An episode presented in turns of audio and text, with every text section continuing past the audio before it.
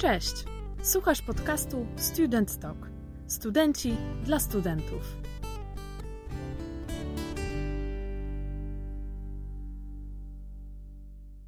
Dzisiaj jest ze mną Marcin, student podyplomowy przygotowania pedagogicznego, operator numeru 112, pasjonat survivalu. Cześć Marcin, bardzo mi miło Cię tutaj dzisiaj z nami gościć. Witaj Martyno i witam słuchaczy. Miło, że jestem gościem i znajdę się w tym gronie osób, które były jeszcze przede mną. No, grono się rozrasta, więc myślę, że, że, że to dobry krok kolejny.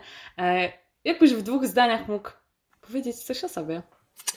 Hmm, co, już, to mnie przedstawiłaś, tak, moje główne zajęcia, tak? Czyli tutaj operator numeru alarmowego to jest moje główne zajęcie obecnie życiowe. Odbierać zgłoszenia na 112 kierowane. Yy, tak, jak mówisz, student przygotowania pedagogicznego, a co się z tym wiąże, też mam okazję od czasu do czasu prowadzić zajęcia w dwóch szkołach. No i jestem jeszcze mm, żołnierzem obrony terytorialnej, magistrem obronności i bezpieczeństwa, więc, że tak powiem, ten sektor bezpieczeństwa cały czas się w moim życiu przewija. To będzie właśnie dzisiejszy temat, nasz główny. E, I myślę, że to, o to bezpieczeństwo, które chyba, takie mam wrażenie, często jest niestety pomijane. E, I ta świadomość nasza, nasza na temat bezpieczeństwa jest chyba dość niska. Jeżeli chodzi o społeczeństwo, to na pewno Ty nam więcej coś o tym opowiesz. E, ale zacznijmy może od tego w ogóle, jak to się stało, że właśnie trafiłeś do 112. To no, jakaś romantyczna historia to to nie jest. nie będę mówił jakoś specjalnie. Yy, no, skończyłem studia, tak, na, jak, jako magister obronności państwa yy, w Akademii Kaliskiej yy, i tak szukałem w tym swoim sektorze pracy, a że nie byłem jakoś mocno ograniczony terytorialnie, bo jakoś lubiałem łazić, zmieniać swoje miejsce bytu, to porozsyłałem w różne miejsca swoje CV, jednocześnie też przecież pracując bo aktywnie pracowałem już na studiach i no, tak się trafiło, że się akurat odezwano do mnie z centrum, z Urzędu Wojewódzkiego tak naprawdę, tak? I potem z Centrum Powiadamiania Ratunkowego właśnie mm, już na stanowisko operatora, a ja, że moja ludzka ciekawość ze mną wygrała i chciałem zobaczyć, jak to mhm. wygląda od środka, no to po prostu poszedłem w to.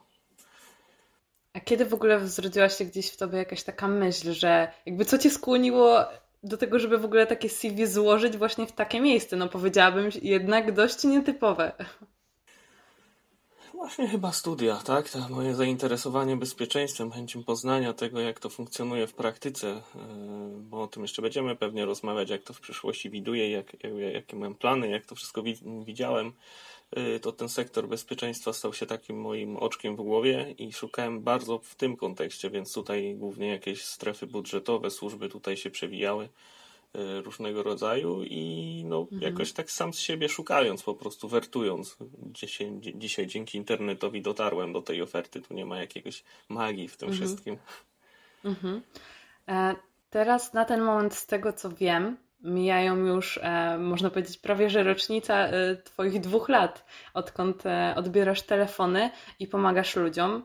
Czy możesz powiedzieć, że ta praca daje Ci wiele satysfakcji? Tu też nie będzie co romantyzować, tak? No daje dużo satysfakcji, szczególnie konkretne raczej zgłoszenia, tak? Ale przy okazji, no też nie ma co ukrywać, że jest to praca ciężka, męcząca i, i też czasami potrafiająca frustrować.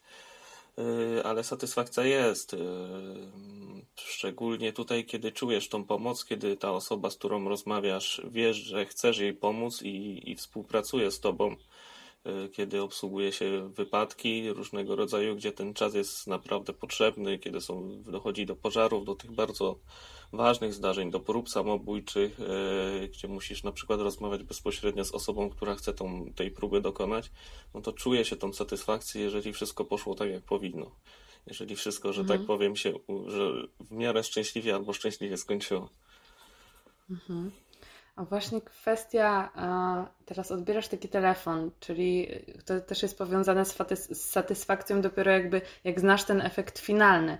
Ale czy to jest też tak zawsze, że dochodzisz później do tego, co po tym, jak odebrałeś telefon, się dalej dzieje?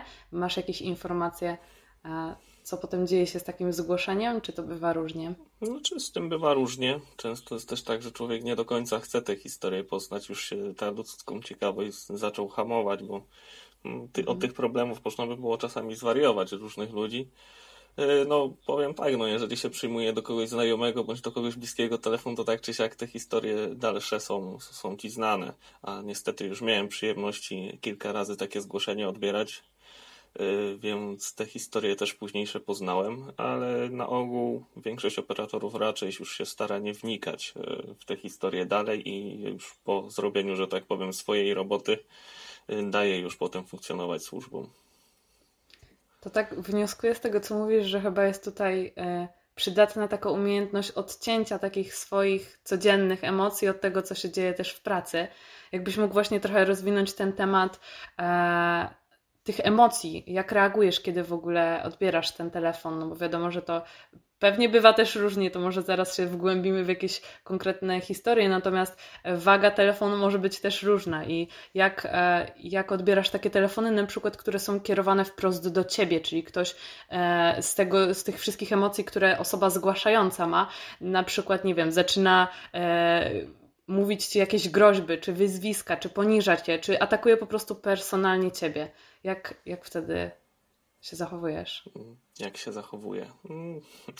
Szczerze powiedziawszy, tak jak powiedziałeś, kierowane do mnie, to pierwsze, co należy zrobić z takiego bardziej, nawet bym powiedział, psychologicznego punktu, yy, uświadomić sobie, że to nie jest yy, bezpośrednio do ciebie, bo ta osoba cię nie zna, nie wie, kim jesteś, ona odreagowuje mhm. swoje emocje na na systemie tak naprawdę, na, na jakichś błędach, na jakiejś swojej może czasami niewiedzy, bo często to tak wynika, że osoby się do nas denerwują po prostu nie wiedząc e, do końca jak, jak to wszystko funkcjonuje e, i co mogą zrobić, czego nie mogą.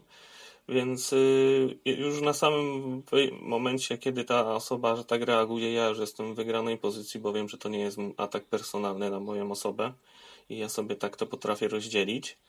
E, a ilość, że tak powiem, to są sytuacje, które zdarzają się codziennie, e, szczególnie na dyżurach dziennych, gdzie tych połączeń jest zdecydowanie więcej i no, można się, że tak powiem, częściowo do tego przyzwyczaić. Każdy pewnie inaczej na to reaguje, każdy na inne wezwiska, na inne sytuacje będzie bardziej reagował, na inne nie. Ja na ogół nie mam problemu z zachowaniem spokoju przy, przy osobach, które mi grożą, które mnie wyzywają w różny sposób, właśnie przez tą możliwość odcięcia się jakby od tego, co oni mówią, że to nie jest bezpośrednio do mnie i po prostu dalej robić swoje, tak? Próbować to jakoś w miarę dyplomatycznie rozwiązać, no jeżeli jest taka możliwość. Mhm. A czy w takim razie tego typu zgłoszenia najbardziej zapadają w pamięć, czy, czy może jakieś inne? Czy takie, które są właśnie gdzieś tam kierowane bardziej do ciebie, gdzie musisz się od tego odcinać, czy, czy co najbardziej zapada? Rozumiem, o czym mówisz i myślę, że tutaj jest kwestią indywidualną. W moim mhm. przypadku te zgłoszenia, które są najbardziej w mojej pamięci, to te, które dotyczyły moich przyjaciół, moich bliskich, y, które się niestety zdarzają, pomimo tego, że szansa jest dość mała, że one, że one akurat do ciebie trafią. Yy, i takie, z którymi się utożsamiasz, czyli na przykład z problemami, które tobie się przytrafiły, z takimi, których ty się sam obawiasz, yy, tak jak osoby, które mają dzieci, na przykład bardziej reagują na sytuacje właśnie związanymi z dziećmi, czyli mój kolega, który już w filmie promującym na mm, linię alarmową 112 nasz, z naszego urzędu wojewódzkiego, który mówił, gdzie obsługiwał sytuację, jak kobieta próbowała swoje kilkumiesięczne dziecko wyrzucić z okna z trzeciego piętra, tak? I, i, i on rozmawiał z tą kobietą, tak? W tle było słychać mhm. płacze, krzyki, mówienie, żeby tego nie zrobiła, a on jakoś musiał tą sytuację, że tak powiem, opanować i, i, i z tego co wiem, ta sytuacja się skończyła szczęśliwie. A, no ale piętno w pamięci jest i, i mój kolega nadal to zdarzenie pamięta, mimo że to już miało kilka lat wstecz. Mhm, mhm. Czy mógłbyś też jakoś podzielić się e, jakimiś historiami, które na ciebie może mocno wpłynęły, albo które zostały tobie w pamięci, albo które ty uważasz, no nie wiem, czy słowo ciekawe chyba tutaj nie jest dobrym określeniem, ale może bardziej e, jakąś taką przestrogą też dla innych. Myślę, że tutaj jeszcze wrócę na chwilę do tej kwestii pamięci, bo większość operatorów mhm. ma coś takiego, tak chyba naturalną reakcję organizmu, że większości tych zgłoszeń nie pamięta. W moim przypadku jest to tak, że wychodząc z dyżuru na ogół pamiętam 3-4 zgłoszenia po tygodniu jedno, a po miesiącu już praktycznie nic, tylko ewentualnie zostają te naprawdę już takie rzeczy, które w pamięci muszą pozostać z różnych względów, które, z, z którymi po prostu emocjonalnie się bardziej człowiek związał. E, w moim przypadku to, które najbardziej mi zapadło w pamięć, no to było zgłoszenie, mm, gdzie, że tak powiem, umierała jedna z moich najbliższych e, osób i no szczerze powiedziawszy nie życzę nikomu przyjmowania takiego zgłoszenia, bo jak ludzie w takiej sytuacji często narzekają na służby, na, na, na policję, na strażaków, e, na nas, to sobie nie zdawają z tego sprawę, że my w takiej sytuacji byśmy woleli być tymi osobami na miejscu, które mogą pomóc, będąc, mając tą wiedzę, niż przyjeżdżać. Ten czas musi upłynąć, służby muszą dojechać i, i to jest też taka walka z czasem no ja wtedy każdą minutę odliczałem, tak? Yy, I, i no, nie miało to szczęśliwego końca, więc to pewnie też wpłynęło na to, że to się odbiło na moją pamięć. Yy, I, i, I, myślę, że to już mi zostanie na, na, na długo, no ale trzeba z tym żyć, tak? Trzeba się do tego, że tak powiem, przygo, mm, przygotować, trzeba z tym jakoś się pogodzić. Inne sytuacje to są y, sytuacje rozmów z osobami w kryzysie suicydalnym, czyli osobami, które chcą popełnić próbę samobójczą, deklarują ją, już na przykład są częściowo, y, że tak powiem, podjęły tą, tą inicjatywę, na przykład już nabrały się leków i do, i do nas wtedy zadzwonią, y, nie wiem, są na przyjeździe kolejowym czy na torach, y, weszły na jakiś wysoki budynek i otworzyły okno, usiadły na balkonie, tego typu sytuacje. I taka sytuacja też mi zapadła w głowie. Yy, chodzi tutaj na jednym, przy jednym z dworców kolejowych zadzwonił do mnie mężczyzna, który powiedział, że chce się zabić Y, że chce się rzucić pod pociąg i jego sytuacja życiowa była tak słaba i mi, wie, że było mi po prostu ciężko nawet z nim prowadzić rozmowę, bo po prostu ciężko było wyciągnąć jakikolwiek, że tak powiem, plus, sens, że tak powiem, do jego życia, bo czasami są to takie kuriozalne sytuacje, yy, że z jedną dziewczyną, która próbowała popełnić samobójstwo, potrafiłem ją odciągnąć po prostu rozmawiając z nią o jej kocie. Tak? Czyli już miała te, mhm. taką jedną sytuację, takie jedno stworzenie, które bardzo kochała i którego się mogłem przyczepić, żeby po prostu ją odlec od, od tej sytuacji. A tam po prostu facet stracił rodzinę, jest niepełnosprawny, renta mu nie przysługiwała, nie miał gdzie mieszkać, więc musiał zostać bezdomnym i nie było po prostu niczego, był to totalnie samotną osobą do tego bezdomu i, i niepełnosprawną, więc ciężko było w jakkolwiek sposób Y, tutaj znaleźć jakiś punkt zaczepienia, który by mu pozwolił, że tak powiem, dalej żyć, no ale jakoś mi się udało tą rozmowę um, przeprowadzić tak, że, że, że tej próby nie popełnił, ale moja trenerka, która odsłuchiwała tą rozmowę, też powiedziała, że, że się jednak rozkleiłem w pewnym momencie podczas tej rozmowy. Jak mhm. pierwszą część rozmowy przeprowadziłem, to potem było słychać w moim głosie, że, że, że rozumiałem po prostu tego człowieka. Mhm. Czyli też w pewnym momencie no chyba nie da się odciąć takiej swojej ludzkiej empatii, która jest gdzieś tam w nas i tego, jak człowiek ci opowiada o tej swojej historii życia i ty w jakiś sposób też tym przesiąkasz. Chyba to nie jest uniknione, prawda? To nie jest uniknione, tak, ale w czasie rozmowy raczej rzadko się zdarza, tak, że, że, że z tego wychodzimy. To najczęściej buzuje w nas w środku. I często jest tak, że to my po prostu bardzo mocno przeżywamy, ta, przeżywamy tak to tutaj w sobie. Natomiast rzadko kiedy się zdarza tak, że to wychodzi, przynajmniej w moim przypadku, do, do zgłaszającego, co też było u mnie uznawane jako plus i jako minus, że po prostu ja mówię praktycznie jak robot, jako operator.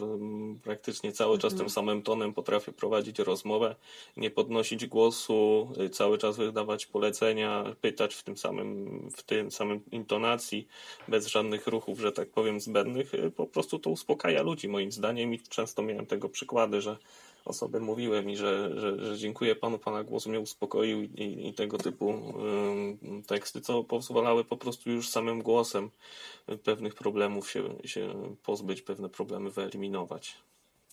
Właśnie, to o czym tutaj wspominasz, ten głos. Myślę, że no, szczególnie praca tutaj przez telefon i to, to w takich sytuacjach to ten głos to oprócz tego, co mówisz, to jest też ważne, jak mówisz e, i w jaki sposób, no bo to chyba no, dociera do człowieka e, inny komunikat, jeżeli powiesz coś spokojniej, głośniej, ciszej.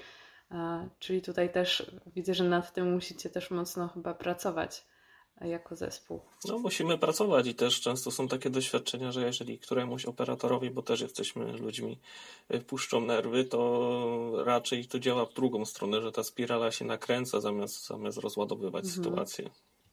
Mhm. No tak. Czyli to trzeba mieć jednak tą umiejętność a, pracy nad tym, a, nad tymi swoimi emocjami, tymi, co się odczuwa. I właśnie tak nawiązując do tego jeszcze, co, co się odczuwa, ta codzienna styczność e, na pewno też ze śmiercią i w ogóle z, z różnymi problemami ludzkimi każdego dnia, bo ta ilość zgłoszeń też, e, też zapewne jest przytłaczająca, jak to mniej więcej wygląda, jeżeli właśnie chodzi o, o dzienne zgłoszenia. Bo rozumiem, że to jest też mm, objęte województwo, tak? Są dane oddziały, jakbyś jeszcze to mógł mniej więcej nakreślić. E, tak, tak, tak. To jest, e, wygląda to tak, że każde województwo ma swoje centrum powiadamiania ratunkowego z wyjątkiem województwa mazowieckiego, gdzie Warszawa ma swoje oddzielne. Mhm. One w większości są, że tak powiem, mm, należnie, inaczej, przydzielone do urzędów wojewódzkich i tam stacjonujemy tak kadrowo, to wygląda w zależności od przeliczenia, inaczej, może nie kadrowo, etatowo, to wygląda w zależności od przeliczenia na ilość mieszkańców w danym województwie. E, no, braki kadrowe są duże, bo na, licząc ile operatorów na przykład u nas e, odbiera faktycznie, widnieją w grafiku, a między etatami, które, które są, no to jest około 25% braków, to jest moim zdaniem dużo, no a cała reszta operatorów musi te braki nadrobić, to nie ma tak, że, że sobie na to możemy pozwolić że jakieś zgłoszenie nie będzie odebrane, tak? No, jest na szczęście, mhm. że jest zastępowalność, czyli jeżeli ktoś e, dzwoniąc na przykład z jednego terenu województwa mógł się nie dodzwonić kiedyś ze względu na to, że wszyscy są zajęci, tak, operatorzy, tak, czy wcześniej dyspozytorzy, dyżurni, to po prostu dzwoni się do pierwszego wolnego operatora w kraju, tak, i on po prostu mając mapę, mając e, przybliżoną lokalizację, będzie próbował pomóc, ustalić wszystko tak, jak będzie potrafił to zrobić. Mhm. A jak w takim razie, jakbyś mógł jeszcze wracając do, mm, do tych kwestii e, odnośnie emocji i tego, jak to wpływa też na ciebie, na twoją po prostu codzienność, twoje codzienne funkcjonowanie, e, czy otrzymujecie też jakąś pomoc psychologiczną? Tak, e, w Centrum Powiadamiania Ratunkowego funkcjonuje coś takiego jak etat psychologa i ten e, psycholog funkcjonuje, jest do naszej dyspozycji. E, przed pandemią był zdecydowanie częściej do naszej dyspozycji. Tutaj trochę ta pandemia nam pozmieniała nasz wgląd na, na, na życie i myślę, że w każdym mhm. CPR-ze to trochę też mimo wszystko odbija się nie tylko na ilość zgłoszeń, na rodzaj zgłoszeń, bo to też miał, miało duży wpływ. Y, na, na, obs na obsadę i, i między innymi też to uwzględnia psychologów. Natomiast y, tutaj pytałaś o tą styczność ze śmiercią. Myślę, że styczność ze śmiercią to jest coś, co tak przeraża dzisiejsze społeczeństwo, tak nawet bym powiedział globalnie. Natomiast z mojej perspektywy to jest coś, czego człowiek powinien się nauczyć żyć, z czym powinien się nauczyć funkcjonować.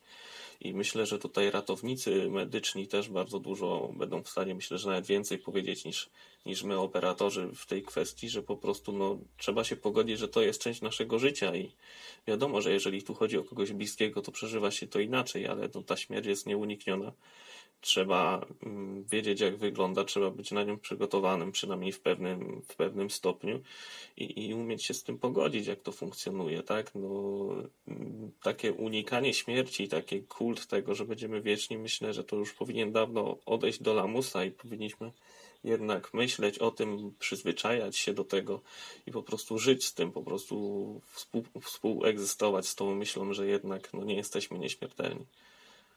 Mhm. Mhm. Ale to, że nie jesteśmy nieśmiertelni, to ciekawe zakończenie. Myślę, że gdzieś tam no, ta technologia idzie w, te, w, w tą stronę, że chyba gdzieś ludzkość by chciała jednak dążyć do tej nieśmiertelności. Ale jak myślisz, co jest tutaj takim naj, największym powodem tego, że my nie chcemy tego przyjąć? że, że taki etap, że po prostu człowiek umiera, bo tak mi się wydaje, jak ja sobie myślę o takich połączeniach na 112 i o tym, co się dzieje, no to to nie, to nie zawsze jest też kwestia chyba tylko śmierci, czy, czy tego, że ktoś, nie wiem, właśnie chce popełnić samobójstwo. Mm, wydaje mi się, że to też dotyka po prostu tego od, od samego początku tak, naszego życia, wszystkiego, co przechodzimy od samego dzieciństwa, czyli tego wszystkiego, co się wydarzyło w naszym dzieciństwie, jak funkcjonowaliśmy, jak, jak nasi rodzice funkcjonowali, że to tak przenosimy na siebie, że tak powiem, ciężar tego życia z pokolenia na pokolenie. I to później chyba też wpływa na naszą psychikę, na to, jak my funkcjonujemy, e, co my chcemy robić i tak dalej, i tak dalej. I to się gdzieś dalej łączy z, tym, z tymi problemami, które często sami sobie chyba sami sobie ich gromadzimy. No tak, ja też wychodzę z założenia, że jesteśmy po prostu efektem tego, co nas wcześniej spotkało, naszych uwarunkowań genetycznych i tak dalej, naszych przeżyć. I, mhm. I zdecydowanie tak to wygląda. Te problemy to nie są problemy poza tak sytuacjami wypadku, gdzie czasami ktoś nie miał jakiejś sytuacji, tylko to bardziej y, sytuacje typu przemoc domowa, typu próby samobójcze. To wszystko jest coś, co się nawarstwia. To się nie dzieje z dnia na dzień, to są lata gdzie osoba nie dostała pomocy, gdzie tej pomocy nie było na czas. I tu mówię zarówno o ofiarach, jak i, i o, w tej sytuacji o agresorach, o napastnikach, które to, mm, że tak powiem, te, te, te czyny dokonują, bo to często jest tak, że, że być może dało się tym osobom pomóc. To też trzeba mhm. mieć z tyłu głowy tą Wyczucie świadomość. Też odpowiednio. Tak, mhm. dokładnie. I myślę, że tutaj też jest jakiś coś, mm, taki element właśnie mówiąc o śmierci, że to też powinno być gdzieś wplecione w nasze życie jakoś w jakiś sposób od samego początku, tak? I wtedy byśmy się z tym jakoś mogli lepiej pogodzić, lepiej z tym funkcjonować. A potem często jest tak, że w dorosłym życiu po prostu dostajemy takiego przysłowiowego plaskacza w twarz od życia i niektórzy nie są w stanie się z tym niestety pozbierać. Mhm. Prawda. Dorosłe życie to jest to określenie, które chyba no, do każdego dociera w pewnym momencie i chyba dla każdego znaczy coś innego. Ale no, myślę, że ta kwestia e, odpowiedzialności, że chyba, mm, że chyba nie każdy nie każdy otrzymuje tyle, ile, ile powinien, e, żeby po prostu być świadomy pewnych rzeczy. E, żeby, żeby wypracować pewne rzeczy i nauczyć się mm, no, funkcjonować w tym świecie, który nie jest łatwy. Zgadzam się w pełni i też powiem, że nie da się wszystkiego przygotować, tylko to jest kwestia priorytetów, czy na pewno mhm. mamy dobrze w tym naszym życiu priorytety tego, czego uczymy się od najmłodszych lat, dobrze poukładane i, i, i też dobrze sobie wywiązujemy się z tej edukacji, nie tylko jako rodzice, ale też cały, cały system tutaj uwzględniają edukację i, i, i informowanie społeczeństwa. I tutaj może być jakiś problem, ale też przy tak szybko zmieniającym się świecie to ciężko jest, by było to wszystko na, nadgonić. Mhm. Wspomniałeś tutaj o, o w ogóle funkcjonowaniu systemów różnych, a jak to w ogóle właśnie wygląda w kwestii szkolenia, jeżeli chodzi o zostanie w ogóle operatorem 112? Jak, jak taka droga wygląda od początku?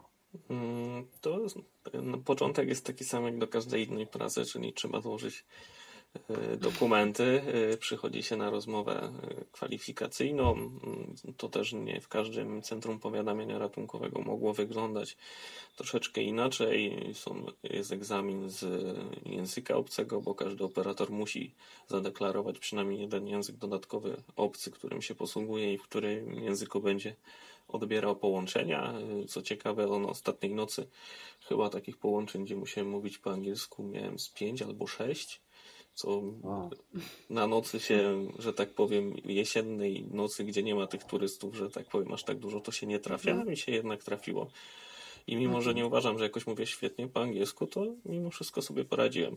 E, I idąc dalej, e, poza testem z języka, no jest rozmowa oczywiście z jakąś osobą w przyszłości przełożoną. Tak jak na tym stanowisku jest rozmowa z psychologiem i są przypadki, gdzie po prostu psycholog nie, nie przepuszcza dalej osoby. E, uznaje, że nie powinna ona na tym stanowisku się znajdować.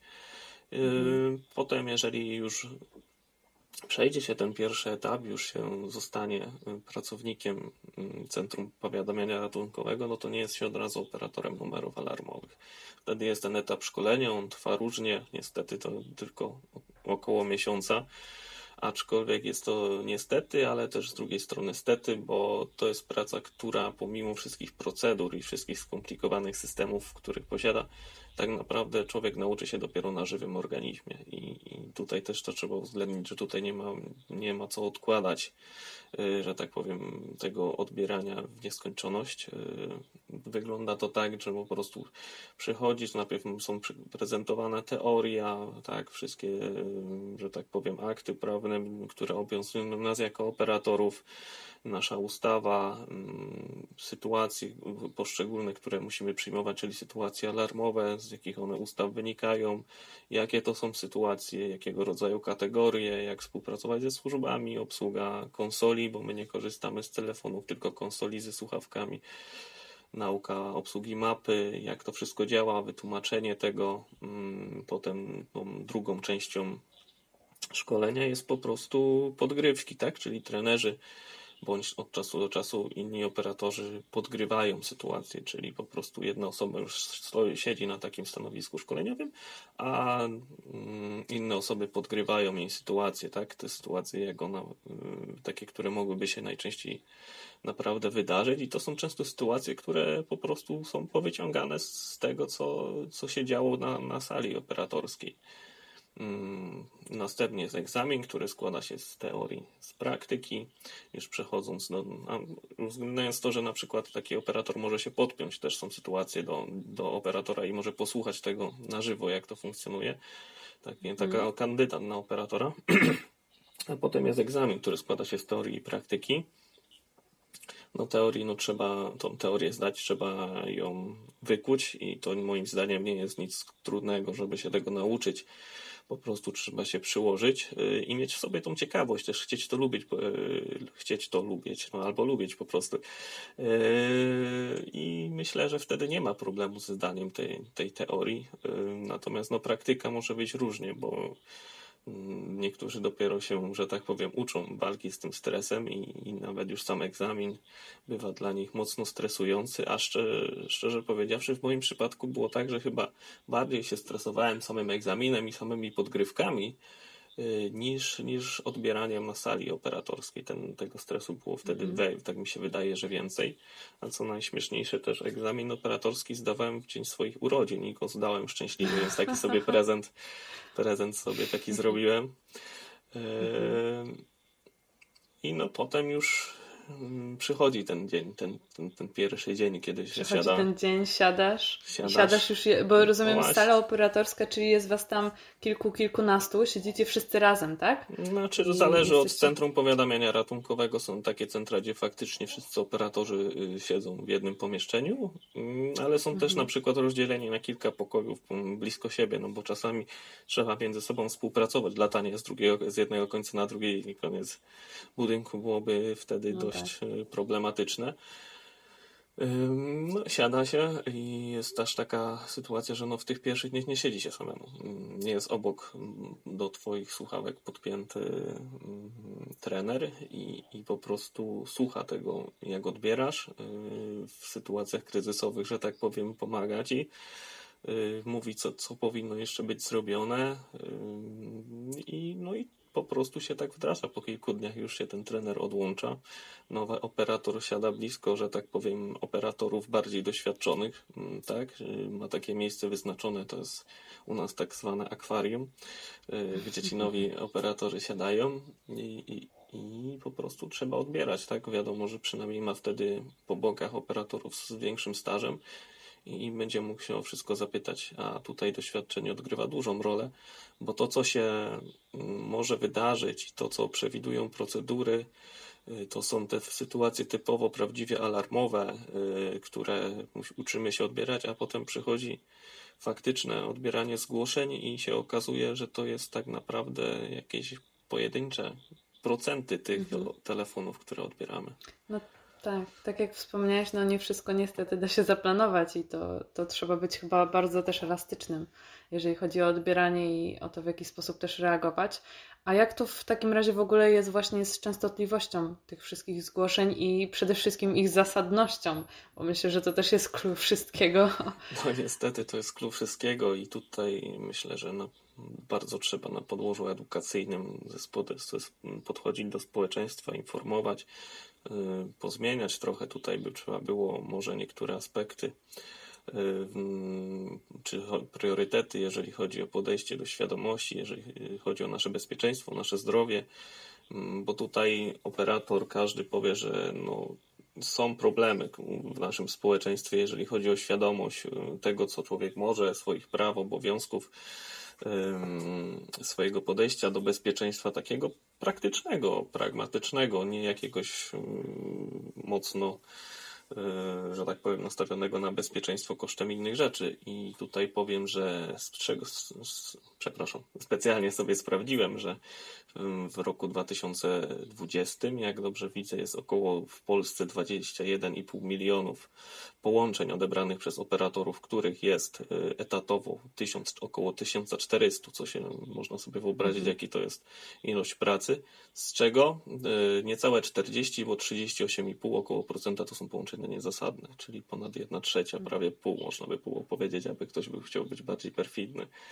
E, no i to no się tak. przekłada, no ale tutaj y, wiele z tych telefonów wygląda z niewiedzy, ze zmian, które się działy w systemie, czyli z przełączenia 99 numeru 997 do, do 112, z ostatniego przełączenia numeru 998 do, do Centrum Powiadamiania Ratunkowego do nas na 112 i, I tutaj wyglądało dużo połączeń niezasadnych po prostu, mm, bo ludzie zgłaszali rzeczy zasadne dla służby, ale nie alarmowe, czyli takie, których my nie jesteśmy w stanie obsłużyć.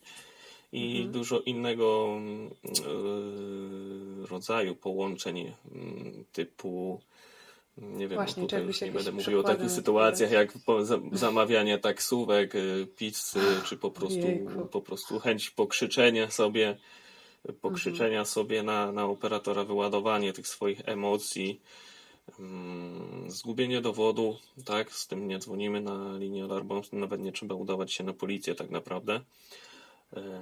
Sytuacje, które wydarzyły się sprzed tygodnia, sprzed dwóch tygodni, rekord to chyba miałem sprzed mhm. 10 lat, jak mi ktoś chciał coś zgłosić, to naprawdę sytuacja alarmowa. Co tu jeszcze mogę takiego wymienić? Tych sytuacji jest tak dużo, że ciężko nawet o nich je by było wszystkie, mhm. że tak powiem, powymieniać, ale tutaj w dużym przypadku są kwestią tego, że właśnie mm, są, to nie są sytuacje, które dzieją się teraz. Dużo osób zgłasza sytuacje właśnie sprzed kilku dni, sprzed tygodnia, sprzed dwóch tygodni, z którym już operator sam w sobie nie za dużo jest w stanie podziałać, bo operator przyjmuje zgłoszenie do tego, co się dzieje teraz, w tym momencie mhm. i no, z kilkoma małymi wyjątkami. Wiadomo, też od razu dodam, że jeżeli ktoś nie wie, co ma zrobić, no to faktycznie lepiej, żeby do nas zadzwonił i żeby się upewnił, tak, bo my często mamy tą wiedzę, co, co w takiej sytuacji trzeba zrobić. Mamy ten, no, ze względu na nasze doświadczenie, chociaż nas tego nie uczą, po prostu odbierając te telefony. Wiele mhm. rzeczy po prostu wiemy, jak załatwić, gdzie się udać, więc już lepiej, jak taka sytuacja, która nie ma pewności, czy to jest na połączenie alarmowe, do nas zadzwoni i, i my wtedy powiemy, co trzeba zrobić. I tak się najczęściej dzieje właśnie z tymi nieszczęsnymi dowodami, gdzie po prostu tych połączeń bywają gdzie jest bardzo dużo. Eee, często to wypada dzień po jakimś dłuższym weekendzie, co jest najśmieszniejsze. Eee, no i po prostu to jest ta główna przyczyna, przynajmniej z mojej perspektywy, bo myślę, że różne osoby będą miały inaczej i, i brak edukacji to jest ten drugi problem Właśnie, w tej kwestii. Czyli powiedzmy z jednej strony ta nieświadomość, brak tej edukacji, ale z drugiej też wspomniałeś jeden z przykładów, że po prostu ludzie dzwonią, żeby się wykrzyczeć, żeby po prostu porozmawiać z drugim człowiekiem. To mi się wydaje też ważnym aspektem w ogóle, żeby zwrócić um, uwagę na to, jak po prostu my jako społeczeństwo jesteśmy spragnieni tej relacji z drugim człowiekiem, po prostu porozmawiania, że często brakuje nam może też umiejętności jak rozmawiać i w dzisiejszym świecie chyba też w ogóle trochę to wszystko się poprzewracało, że, że teraz mniej tak realnie spotykamy się z ludźmi, rozmawiamy o też poważnych rzeczach, bo wydaje mi się, że to jest z drugiej strony to, że w sobie dużo nosimy, a nie, nie mówimy o swoich emocjach, nie mówimy o swoich problemach, o tym, co się dzieje dobrego, złego. E, ciężko to czasami chyba wyważyć, nie? I, i to też takie mam wrażenie, że może, mm, może jest e, przyczyną tego, że ludzie po prostu dzwonią, żeby, żeby porozmawiać, żeby ktoś ich wysłuchał, żeby ktoś e, z nimi porozmawiał, nie? Tak, to jest częstym problemem y, i to się często zdarza i często się to też zdarza osobom po prostu starszym, które mhm. mimo, że zgłaszają jedną rzecz prostą, którą można by było załatwić w pół minuty, to czasami po, nie można im mhm. przerwać przez pięć minut y, ich, ich, no tak. ich monologu. Y, mhm. To jest faktycznie taka sytuacja mm, występująca, że ten nasz kontakt ograniczony nie tylko, mm, że tak powiem, przelewa się na ten nasz brak takiego możliwości odreagowania, ale też na umiejętność rozmawiania, bo wiele osób w ogóle nie za bardzo potrafi rozmawiać, bo tak naprawdę takich podstawowych, kluczowych umiejętności w tym zakresie im brakuje. Y, I tutaj, jeżeli mógłbym jeszcze to dodać, to też, żeby nie było tak smutno, no to zdarzają się też telefony na przykład niezasadne, choć rzadko, z podziękowaniami za coś, tak? Y, czy dla nas, czy, czy na święta ktoś nam życzenia składa, żeby nie było, że tylko to są te negatywne, choć one przeważają. Są ludzie, którzy potrafią niezasadnie zadzwonić po to, żeby nam złożyć yy, życzenia na święta na przykład. Ojejku, naprawdę? Tak, zdarzają się. Nawet takie rzeczy się zdarzają. Tak tylko po prostu, żeby złożyć życzenia? Dokładnie. No to ciekawe. Hmm. No to już niedługo okres świąteczny, to chyba liczba telefonów będzie zwiększona. No, na pewno będzie zwiększona. Miejmy nadzieję, że wolałbym tymi niezasadnymi niż zasadnymi. No to znaczy, że -hmm. zasadne no tak. zawsze oznaczają czyjeś nieszczęście. Mhm. Jakbyś właśnie mógł też w paru krokach po prostu przedstawić żeby, żebyśmy też uświadamiali e, naszych słuchaczy o tym, jak w ogóle zgłaszać, co zgłaszać, jak rozmawiać też z operatorem, bo to jest też e, istotna rzecz, w, tak jak mówisz o komunikacji, żeby w dobry sposób i odpowiednie rzeczy w odpowiednim czasie przedstawić. Jakbyś mógł podzielić się jakimiś prostymi radami, które po prostu każdy z nas powinien stosować, o których powinniśmy wiedzieć? Przede wszystkim no, trzeba wrócić do, do podstaw, czyli bezpieczeństwo. Tak? Dzwonimy najczęściej, jeżeli mamy taką możliwość, to dzwonimy dopiero w sytuacji, kiedy możemy y, się oddalić od sytuacji zagrożenia na, bezpieczne miejsce, tak, kiedy jest taka możliwość i z takiego miejsca dopiero wykonujemy telefon, żeby można było w miarę spokojnie tą rozmowę przeprowadzić. Oczywiście nie zawsze są takie możliwości, jestem tego świadomy. Tych telefonów już mm, kilkanaście pewnie tysięcy, a może i więcej się odebrało, więc tych sytuacji też człowiek trochę poznał. Yy, najważniejszą sprawą jest lokalizacja. Mamy te swoje lokalizatory, mm, ale jeszcze jest, że tak powiem, im daleko do doskonałości. I jeżeli mamy lokalizację, to nawet jeżeli ktoś się rozłączy, coś się stanie, rozładuje się telefon, a mamy lokalizację, powie w jednym zdaniu, co się wydarzyło, to już jesteśmy w stanie sklasyfikować to zdarzenie, tak? Nawet jeżeli się nie będziemy w stanie do tej osoby ponownie połączyć. Yy, czyli po prostu znajdujemy sobie w miarę bezpieczne miejsce, jeżeli jest taka możliwość. Yy, nawet nie musimy się przedstawiać, nie musimy od tego zaczynać. Kwestią jest bardziej powiedzenie na przykład yy, jestem świadkiem wypadku i znajduję się tu, tu i tu. Yy, I potem tak mhm. naprawdę główną rzeczą to słuchać operatora. Odpowiadać na pytania i wykonywać polecenie operatora. Jeżeli to jest sprawa medyczna, będzie łączenie do dyspozytora medycznego. On będzie zbierał wywiad medyczny i udzieli też dodatkowych informacji pod kątem udzielania pierwszej pomocy. Ale operatorzy też najczęściej to robią, bo też są do tego zobligowani. Też tą pierwszą pomoc musimy przedmedyczną udzielać telefonicznie, co szczerze powiedziawszy jest trudniejsze niż udzielanie osobiście pomocy, czego miałem okazję doświadczyć będąc na miejscu zdarzenia, wytłumaczyć dobrze mhm. Mm, procedurę resuscytacji y, osobie, która tego nie potrafi y, przez telefon nie jest wcale prostym, prostym przedsięwzięciem. Mhm. No tak, domyślam się, jeszcze Więc nie tutaj, wiedząc do końca, tak co powiem, jest wokół. Tak. tak, jeszcze raz w takim razie, zbijając do brzegu, zadbać o swoje bezpieczeństwo, powiedzieć w jednym zdaniu, co się dzieje, podać adres, a potem po prostu słuchać operatora. I to jest, myślę, że takie clue, które po prostu pozwoli na szybką i skuteczną reakcję służb. Choć wiem, że czasami mhm. niektóre pytania mogą się wydawać bez sensu, które operatorzy zadają, to raczej jest mało pytań mm, takich, mm, które są zupełnie bez sensu. Każde praktycznie pytanie ma jakiś sens i jest po coś. Przypominając, operator e, kończy rozmowę. Zgadza się? Operator decyduje tak, o tym, tak? Operator te powinien, znaczy to powinien, jest właśnie. prawnie no do końca ujęte, bo z, powinno, nie, nie jest niestety prawnie jednoznacznie określone. Yy, po prostu do momentu, kiedy operator nie podziękuje za rozmowę, się nie, po prostu najlepiej nie rozłączyć. Tak, jeżeli operator już Mhm. podziękuje za rozmowę, no to tak naprawdę lepiej jak to zrobi operator, ale no z drugiej strony na przykład operator ma wpisane, że nie może się samodzielnie rozłączyć, więc tak, to jest też takie, byłoby takie perpetuum mobile, że rozmowa musiałaby toczyć się w nieskończoność, więc po prostu jeżeli jedna strona dziękuje, druga dziękuję, albo jest taka sytuacja, bo to też trzeba słuchać, że, że rozmowa nie kończy się z operatorem, tylko jest przekierowanie do dyspozytora medycznego, żeby on mógł sobie szczegółowy wywiad medyczny zebrać mm, dla służb ratowniczych jadących na miejsce. Yy, No to to jest kwestia tego, że albo trzeba będzie chwilę poczekać i kontynuować rozmowę z dyspozytorem, albo operator podziękuje, wtedy możemy sobie, że tak powiem, w cudzysłowie wzajemnie podziękować i się rozłączyć.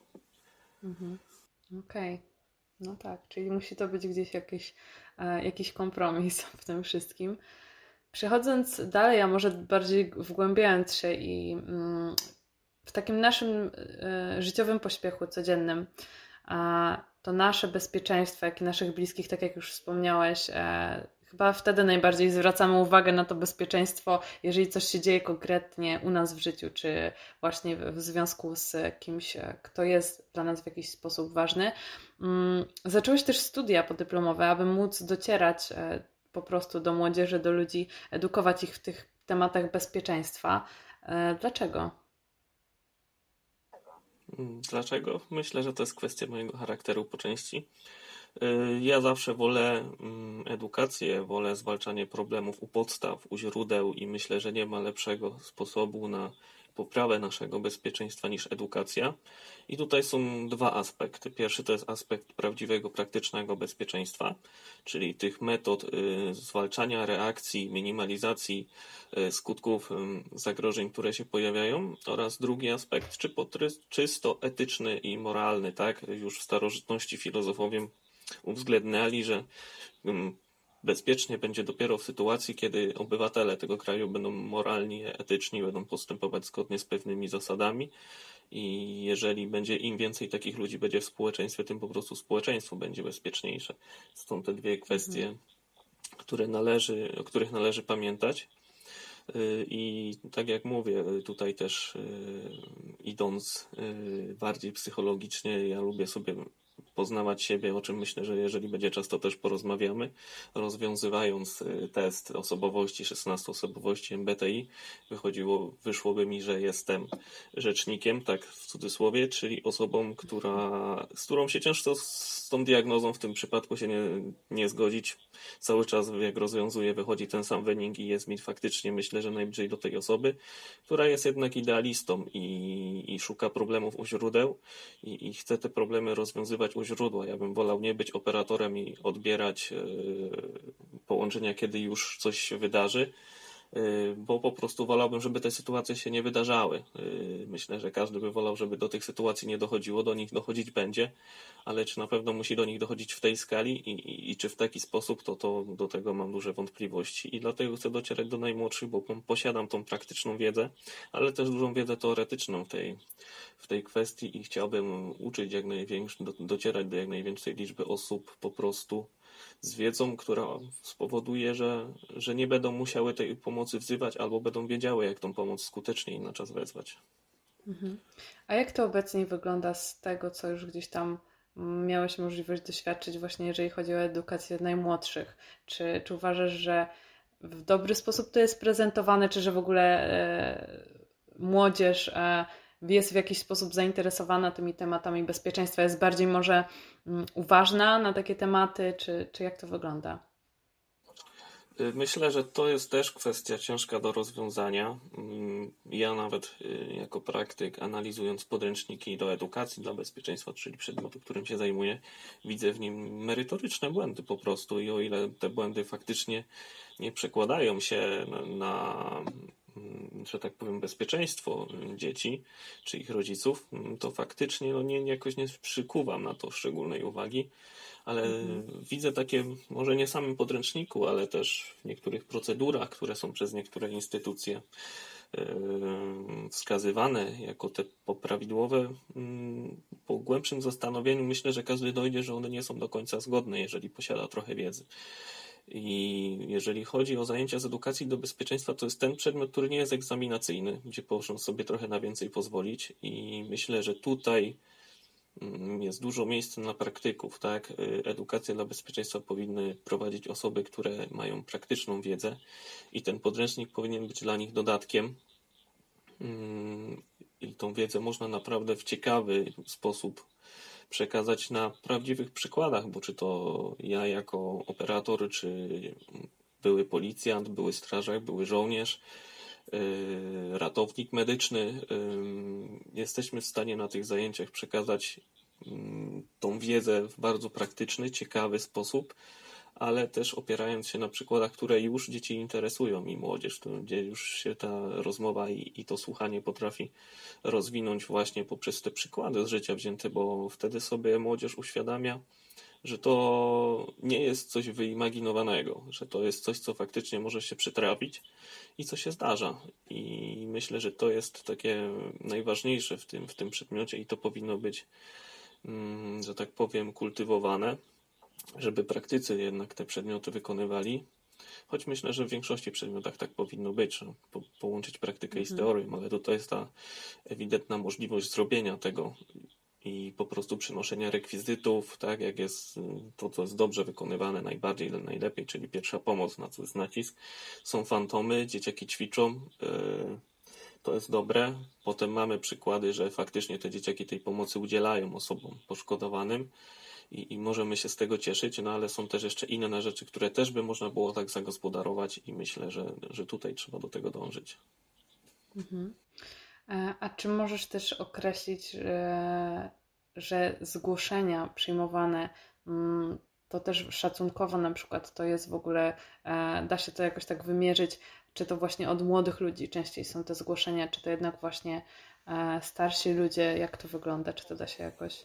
Nie da się jakoś tego, myślę, jednoznacznie wymierzyć. Może dałoby się to jakoś ustalić, e, jakby ktoś głębiej poszukał, natomiast jest jedna szczególna prawda, że niezależnie od poziomu zdarzenia, najczęściej dużo łatwiej rozmawia się z dzieckiem, ponieważ e, dziecko właśnie wykonuje, jak już chodzi o resuscytację, najczęściej na zajęciach miało to, wie jak to zrobić a z drugiej strony dzie dziecko słysząc operatora słucha go, rozmawia z nim, yy, nie wdaje się w niepotrzebne dyskusje. Yy, dziecko można bardzo fajnie opanować i, i z dziećmi dużo lepiej się przyjmuje takie trudne zdarzenia czas, niż z dorosłymi. Niestety tak to wygląda, że, po, że ludzie potrafią zadawać pytania, a po co, a dlaczego, albo ja tego nie zrobię, a nie, nie zatrzymam się, bo mam przy sobie dziecko i tego typu mm, inne, mhm. a to dziecko prawdopodobnie samo by poszło i pomogło, jakby to ono no zadzwoniło, tak. ale to już nie Za dużo myślenia jest chyba.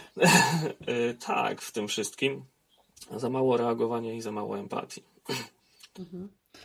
Już powoli gdzieś tam zbliżając się do końca, e, jeszcze chciałabym wrócić do tematu e, ogólnie też e, bezpieczeństwa i tego, mm, czy do tych tematów doprowadziła Cię właśnie Twoja droga też po studiach? Znaczy na studia i później po studiach, że gdzieś tam wokół tych tematów bezpieczeństwa zacząłeś, że tak powiem, się obracać. Tak, i co najśmieszniejsze, to tak nie miało zupełnie wyglądać. Moje studia były, że tak powiem, mhm. przypadkiem, bo ja w ogóle nie chciałem iść na studia. Mhm. Chciałem się związać z policją, więc to bezpieczeństwo gdzieś tam mimo wszystko było w mojej głowie ale nie chciałem studiować, chciałem iść od razu, a potem uznałem, że może spróbuję jednak tych studiów. Poszedłem na kierunek bezpieczeństwa wewnętrznego i się tak niemiłosiernie zakochałem w, w naukach społecznych, tutaj szczególnie właśnie w dziedzinie nauk o bezpieczeństwu, że o bezpieczeństwie, że z, ze zwykłego przypadku po prostu yy, przydarzyło się coś, co czego dzisiejszego swojego życia sobie nie wyobrażam. I myślę, że tak może być w życiu każdego, dlatego trzeba być ciekawym, trzeba, jeżeli są jakieś możliwości, z nich y, korzystać, bo potrafią coś, co względnie y, można nie uznać za coś znaczącego, jakiegoś niesamowitego, potem się okazuje, że staje się sensem czyjegoś życia. I, i to jest niesamowite, że przypadki czasami doprowadzają nas do takich rzeczy. Czyli możesz powiedzieć o sobie, że jesteś społecznikiem. Natura społecznika od e, początku? Tak, od, od, początku. Ja zawsze jestem osobą wrażliwą społecznie. Zawsze tutaj, że tak powiem, duży nacisk miałem na różne problemy społeczne. To też e, potem emancypowało w moich związaniu się z różnymi subkulturami. Jeszcze jako młodzież, jako nastolatek, już wtedy wiele rzeczy mi się nie podobało. Chciałem z wieloma rzeczami walczyć.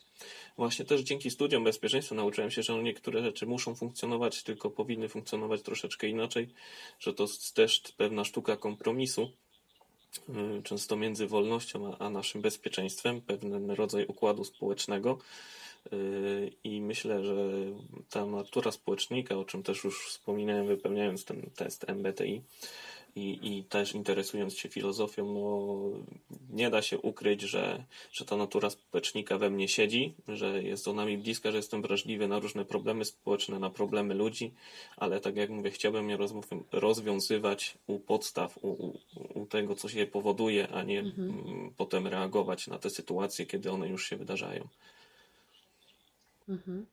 To jakie w takim razie masz dalsze plany, jeżeli chodzi o e, zwalczanie tego wszystkiego i może bardziej budowanie porządnego fundamentu? E, no, tutaj są dwie takie, można by powiedzieć, trzy ścieżki, czyli tutaj tak moja mm, dalsza służba w wojskach obrony terytorialnej, mm, dalej zbierania przede wszystkim tej wiedzy praktycznej, żeby móc ją połączyć z teorią i przekazywać dalej. E, chciałbym zrobić doktorat w dziedzinie nauk o bezpieczeństwie i związać się ze środowiskiem akademickim w przyszłości, bo myślę, że to jest y, temat i, i to, co mi siedzi w głowie, nie ma, jak sobie tak pomyślę, poszukam, to nie ma specjalistów w nauce, którzy by się tymi problemami dzisiaj w Polsce zajmowali a też nie chcę mówić tak publicznie o tych problemach konkretnych, bo potem jeszcze się znajdzie jakiś mhm. fajny naukowiec, to mnie je podwędzi. No i drugą sprawą jest mój blog, który zrobiłem, ale który jest zawieszony ze względu na ilość rzeczy, które teraz robię w życiu.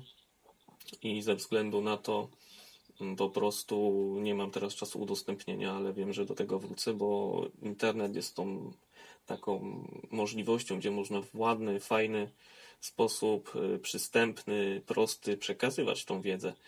I ja trochę się rzuciłem mm, smotyką na słońce, ponieważ chciałem samemu robić animacje i, i dużo czasu temu poświęciłem. Muszę ten blog trochę przebudować, y, żeby po prostu on mi nie zabierał tyle czasu, bo produkcja jednego materiału wychodziła tak czasowo kolosalnie, zabierała mi praktycznie kilka dni życia i, i, nie byłem w stanie tego pogodzić. Po mhm. przebudowaniu liczę, że to trochę uproszczę i, i te materiały odnośnie bezpieczeństwa będą, będą na tego bloga trafiać. No tak, no to dobrze, że gdzieś tam próbujesz działać i docierać do ludzi. E, Marcin, dziękuję Ci bardzo za dzisiejszą rozmowę, za to, że, e, że chciałeś podzielić się z nami swoim doświadczeniem odnośnie bezpieczeństwa i, pracy właśnie jako operator 112. E, mam nadzieję, że dzięki tej rozmowie też trochę, trochę będziemy bardziej świadomi na temat tego, co się dzieje po tej drugiej stronie telefonu, że to, że to też tam siedzi człowiek, nie robot i że ten człowiek też ma emocje i, i że będziemy też po prostu my bardziej się edukować w tych tematach, żeby w odpowiedni sposób reagować i po prostu e, pomagać ludziom. Z czym chciałbyś zostawić naszych słuchaczy dzisiaj? Z tym, co słynny Pol Polak mówi, nic nie jest dane raz na zawsze, czyli mówię tutaj o Robercie Makłowiczu, jednym z moich ulubionych y, polskich osób w Polsce, który jest niesamowicie sympatyczną postacią i mogę to, że tak powiem, przenieść zarówno na, na dział bezpieczeństwa, jak i naszego mm, codziennego życia. No nic nie jest dane raz na zawsze i musimy myśleć o tym, co się wydarzy, jak tej, jak tej rzeczy zabraknie. Musimy myśleć o swoim bezpieczeństwie, o tym, że kiedyś braknie naszych bliskich, że może braknąć nam nawet nawet naszego domu i tego typu rzeczy, ale też bardziej globalnie, że no, ten spokój, ten, ten możliwość rozwoju, ten takie względne bezpieczeństwo, które nie musimy się przejmować, też nie jest rzeczą, które, która jest dana raz na zawsze i ona kiedyś może się skończyć. Tutaj ta przezorność, to myślenie o tym, jest dobrą rzeczą i bardzo praktyczną. Myślę, że w najbliższych latach, w najbliższym czasie, myślę, że nawet bym powiedział, że rola tego wzrośnie i osób, które będą to robić, no po prostu będzie łatwiej w życiu dzięki temu. Dzięki bardzo. Bądźmy przezorni w takim razie. Mam nadzieję do usłyszenia. Do usłyszenia. Dzięki wielkie.